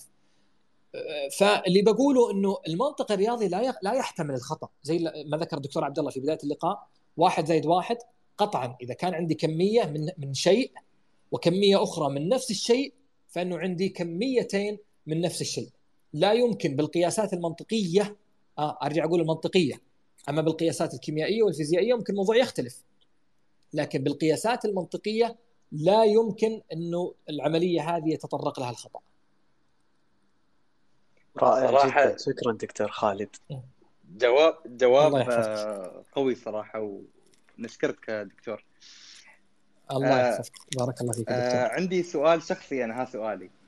آه لما نحن ندرس لما كنا ندرس المساحات والأحجام وكذا دائما كنا ندرس مساحة المربع ندرس مساحة المثلث أشكال يعني ثابتة. لكن لو أنت أتيت في الطبيعة لن يعني نادرا ما ترى مربعا يعني مست... بالسانتي دائما تشوف أشكال غريبة يعني في الطبيعة. ف يعني الشيء اللي أنا كنت أعجز إني أفهمه كيف؟ ليش نحن شكلنا قوانين آه، مربع ومستطيل وهي الاشياء مش موجودة بشكل كبير جدا في الطبيعة وما عندنا قوانين لأشياء الريجولر آه، ممكن إن شاء الله يكون سؤالي واضح. يمكن يمكن واضح لكن جزء منه آه، دكتور عبد الله جزء من منطق القياس والمساحات هو جزء تقريبي. يعني أضرب لك مثال. أحيانا بعض بعض المنحنيات في الرياضيات بعض المنحنيات اللي الدوال من الدرجة الثانية أو الثالثة أو الرابعة إلى آخره. الدرجة الثانية الثالثة الرابعة تمثيلها البياني مش عن طريق خط مستقيم عن طريق منحنيات متعرجة في الرياضيات. لكن لما أجي أبغى أدرس مساحات الأشكال هذه ومن هنا ترى للمعلومية من هنا بدأت فكرة التكامل. فكرة التكامل اللي تنسب إلى ريمان الفرنسي وهي في الحقيقة آه، يعني مبدأها وأساسها يعود إلى العالم المسلم ثابت بن قره ألا وهي محاولة تقريب محاوله تقريب الأشكال إلى خطوط مستوية. التقريب هذا آه، يعني خلينا نقول مثلا منحنى معين أحاول إني آخذ أكبر أسوي زوم ها أسوي زوم على جزء معين لما أسوي زوم تقريب أقرب الصورة أقرب أقرب يعني تخيلوا معي الجو هذا أقرب الصورة على المنحنى لما أقرب أقرب أقرب آلاف المرات إيش تتوقعون يجيني؟ شيء كأنه نقطة ولا لا؟ كأنه نقطة أو خط مستقيم أو نقطتين قريبة جدا من بعضهم موصولين بخط مستقيم ولا لا؟ فبناء على على هذا أستطيع أني أقرب هذه الدالة أسوي لها ابروكسيميشن عن طريق يعني خطوط مستقيمة صغيرة جدا وبعدين أفترض إنه عدد الخطوط هذه هو عدد لا نهائي. عندي عدد لا نهائي من الخطوط اللي تشكل لي هذا المنحنى. طبعا كل ما زدت عدد الخطوط كل ما زدت عدد أو, أو كل ما زدت دقة الحسابات. كذلك في, في الأشكال المستطيل المثلث المربع. القوانين الرياضية اعتمدت على إنه كل خط في المضلع سواء مثلث مربع مستطيل معين كل خط يمكن تمثيله بعدد لا منتهي من النقاط. وهذه النقاط يصل بينها خط مستقيم يسمونه line segment line segment هذا يصل كل نقطة بالنقطة التي تليها. طبعا العدد زي ما قلنا لا منتهي من النقاط ولا يمكن حنا إنه نفصل هذه النقاط عن بعضها. فالآن كل ما زاد عدد النقاط لأنه هو عدد لا منتهي فلما آخذ يسمونه ال limit أو النهاية آه، لعدد هذه النقاط أصل إلى آه، أصل إلى مساحة آه، يعني exact أو أو مساحة تأكيدية لمساحة الشكل وليست تقريبية. وضحت الصورة بالنسبة لي. آه وصل لي سؤال جميل جدا وهذا السؤال يمكن وايدين عندهم السؤال آه كيف نحن ناس آه تربينا أو نحن نتجنا في مكان ما نحب الرياضيات بشكل كبير نزيد شغفنا ونزيد حبنا الرياضيات آه، من من ناحية شخصية ومن ناحية تعليمية كمعلم أو كأب أو كأم كيف نحن نزرع حب الرياضيات في أبنائنا أو كيف الشخص نفسه يتعلم الرياضيات بشكل أفضل. أي طبعا يمكن هذا السؤال مهم جدا وفي أبحاث كثيرة جدا سواء في العالم العربي أو حتى في يمكن العالم الغربي لأنه هذه زي ما قلت لكم المشكلة ليست محلية. هذه المشكلة عالمية اللي هو كره الرياضيات و... واعتقاد إن الرياضيات صعبة ومعقدة. آه، لكن آه، الحقيقة زي ما قلت إنه فيها أبحاث كثيرة كيف إنه ممكن نحبب أنفسنا بالرياضيات. لكن جزء منها هو معرفة تطبيقات الرياضيات والإيمان بأن الرياضيات مهمة جدا وأنها جميلة إذا فهمتها. تذكرون في بداية الحديث قلنا أنه الاستمتاع بقطعة الحلوى لا يحتاج إلى إلى إلى إعمال للذهن صح؟ الاستمتاع بالجو الجميل الاستمتاع بمناظر الطبيعة لا يحتاج إلى أعمال ذهن. لكن الرياضيات حتى تستمتع فيها لابد أنه تفهمها. فممكن التدريب على بعض الألغاز الرياضية التدريب على بعض المسائل المنطقية التي تأتي على على شكل ألغاز آه، الحس الرياضي أو الحس العددي عند الأطفال. يمكن الأشياء هذه تنمي في الإنسان آه، مقدرته على التعايش مع الرياضيات وحبها. لكنه هو يعني الحقيقة أنا اكون أكون صريح كمتخصص في الرياضيات الرياضيات ليست سهلة. ليست علم سهل. والرياضيات لا يمكن أن تكون ممتعة إلا بعد أن يفهمها الشخص. لذلك من المهم جدا التدرب على بعض الألغاز الرياضية الألغاز المنطقية اللي يعني تخلي شوي تغير الصورة النمطية للرياضيات في نفس الشخص أو في نفس الأطفال. يعني ممكن تروح للأطفال وتطرح لهم أحد الألغاز هذه. يعني أنا دائما كنت أثير الفضول عند طلابي. يمكن هذا اللغز ما يصلح للأطفال يصلح لطلاب الجامعة. وهو لغز فلسفي مشهور في الرياضيات. زي زي لغز الفندق اللي قبل شوي ذكرناه في اللانهاية. لغز فلسفي آخر يسمى حلاق القرية. يمكن ما راح أدخل الآن في تفاصيله لكنه لما يكون عندك قرية فيها حلاق واحد فقط. الحلاق هذا اللي يقص الشعر. ها؟ الشروط في القرية إنه الحلاق لا يقص شعر إلا من لا يقص شعره بنفسه. يعني اللي يقص شعره بنفسه خلاص. اللي ما يقص شعره بنفسه الحلاق هو اللي يقص شعره. وما وفي القرية فيها حلاق واحد فقط. فمين اللي يحلق للحلاق؟ مين اللي يقص شعر الحلاق؟ هذا يعني يمكن سؤال طويل عريض في نظرية المجموعات. يمكن ما إحنا الآن في صدد مناقشته لكنه لما يفكر فيه الطالب الجامعي يفكر ويحاول ويجيب من هنا ينشأ له شوية فضول معرفي لمعرفة يعني منطق الرياضي خلف المسألة. يعني هذا أحد الألغاز ممكن على مستوى الابتدائي نطرح بعض الألغاز البسيطة للأطفال آه، تشكيل المثلثات، تشكيل المربعات، تغيير الأشكال، الحس العددي عندهم، يعني نخلي التعلم تعلم الرياضيات بالألغاز، تعلم الرياضيات بالمرح. هذا جانب. الجانب الآخر الحقيقة في دراسة عالمية وجدت إنه جزء كبير من طلاب المدارس يكره الرياضيات بسبب المعلم. أنا ما عندي الآن حقيقة تفسير معين ليش فقط معلمين الرياضيات وليس مثلا معلمين الأحياء أو معلمين اللغة أو معلمين الرياضة، لماذا فقط آه، معلمين الرياضيات؟ لكنه هذه فعلا مطروحة وهي فرضية موجودة في بعض الأبحاث الغربية إنه جزء كبير من طلاب المدرسة بدأ بكره الرياضيات بسبب المعلم وليس بسبب كره الشخص للرياضيات. إن شاء الله يعني يأتي زمن ونحب إيه؟ الرياضيات جميعنا ونكون دكه أتمنى ذلك. ونفرح بال... بال... بالأرقام. ناخذ آخر سؤال من الخالدي اللي مسكين كان ينتظر وبعدين نختم اللقاء. تفضل. أي خالد أي خالدي؟ اللي ترفع إيدك. السلام عليكم السلام. عليكم السلام ورحمة الله. عليكم السلام. اولا أنا أرحب بجميعكم جميعا. أنا عندي سؤال بس على السريع. هو إيه الفرق بين النسق الرياضي والنسق الفيزيائي؟ وأيهم يعني أولى بالتطبيق؟ آه، يعني نسق الفيزيائي هو القوانين الفيزيائية من خلال الرياضيات. ولكن أحيانا الرياضيات بتبقى آه، يعني غير واقعية أو غير متسقة مع مع الواقع مع الواقع الفيزيائي. زي ال string theory مثلا. كلها رياضيات مختلفة تماما مع ال مع ال مع ال physics مع الطبيعة يعني. آه، بس يعني وأنا طبعا أدعوكم للقاء في, الزوم على مع دكتور محمد أكرم عن التناظر. ويا ريت تحضروا. كلكم ما شاء الله عليكم قامات علمية وأنا بتابعكم كلكم يعني. أنا كلكم متابعين شكرا لك أستاذنا أستاذ دكتور خالد.